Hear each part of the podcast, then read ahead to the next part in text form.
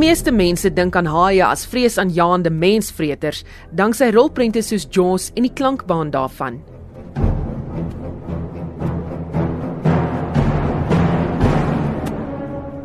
Maar Grant Smith van Shark Life sê as mens musiek aan haie wil koppel, moet dit eerder iets uit die Finding Nemo animasiefilm se klankbaan wees.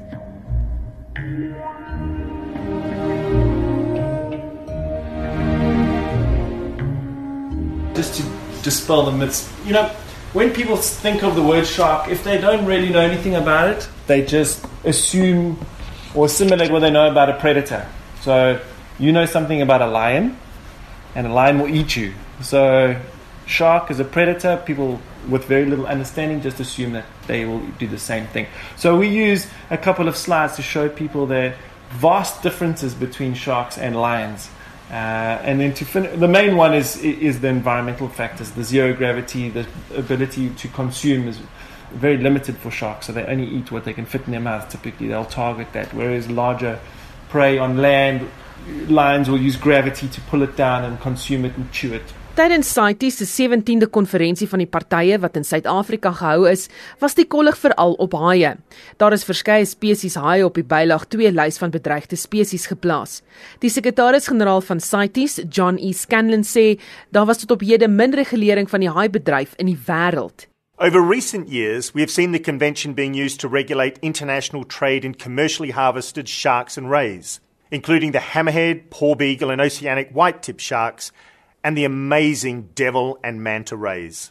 In doing so, the 183 parties to CITES, namely 182 countries and the European Union, have increasingly turned to CITES to help ensure sustainability in our oceans, and in doing so support the achievement of UN Sustainable Development Goal 14. Smith sê Suid-Afrika se regulering van die bedryf is steeds baie swak. Do you know how many sharks you can kill per day per person in South Africa? 10. Per person per day with an 80 Rand fishing license. One tiger, one bull, one hammerhead, one raggy, one blacktip. 10 per person per day.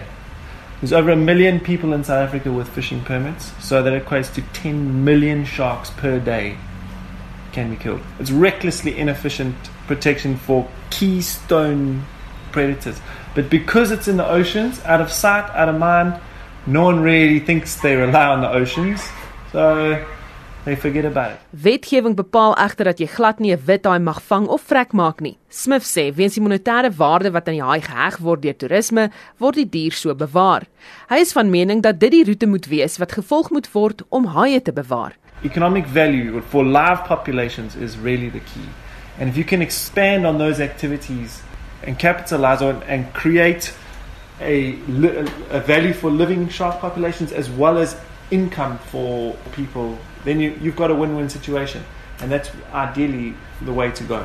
Lindiwe Sikali ook van Shark Life sê die eerste tree om mense se menings oor haie te verander is om die plaaslike gemeenskap meer van die diere te leer. As we are living here next to the ocean, we normally having just the problems which they, for the people which they normally drown in the ocean because they didn't know how to swim, they didn't know how to care, and they didn't know why ocean is so important.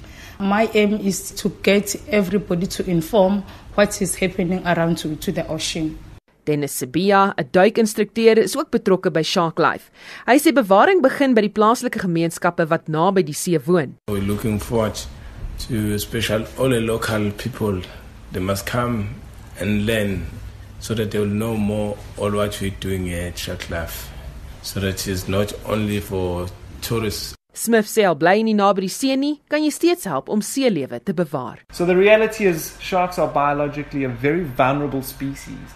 Uh, take long to reach maturity. For example, a bull shark. Everybody, or we know it as a Zambezi shark. Zambezi shark female takes 21 years to reach sexual maturity. But for you guys who aren't in coastal areas or if you're sitting in Joburg, what you can do is be a lot more careful about the seafood you eat.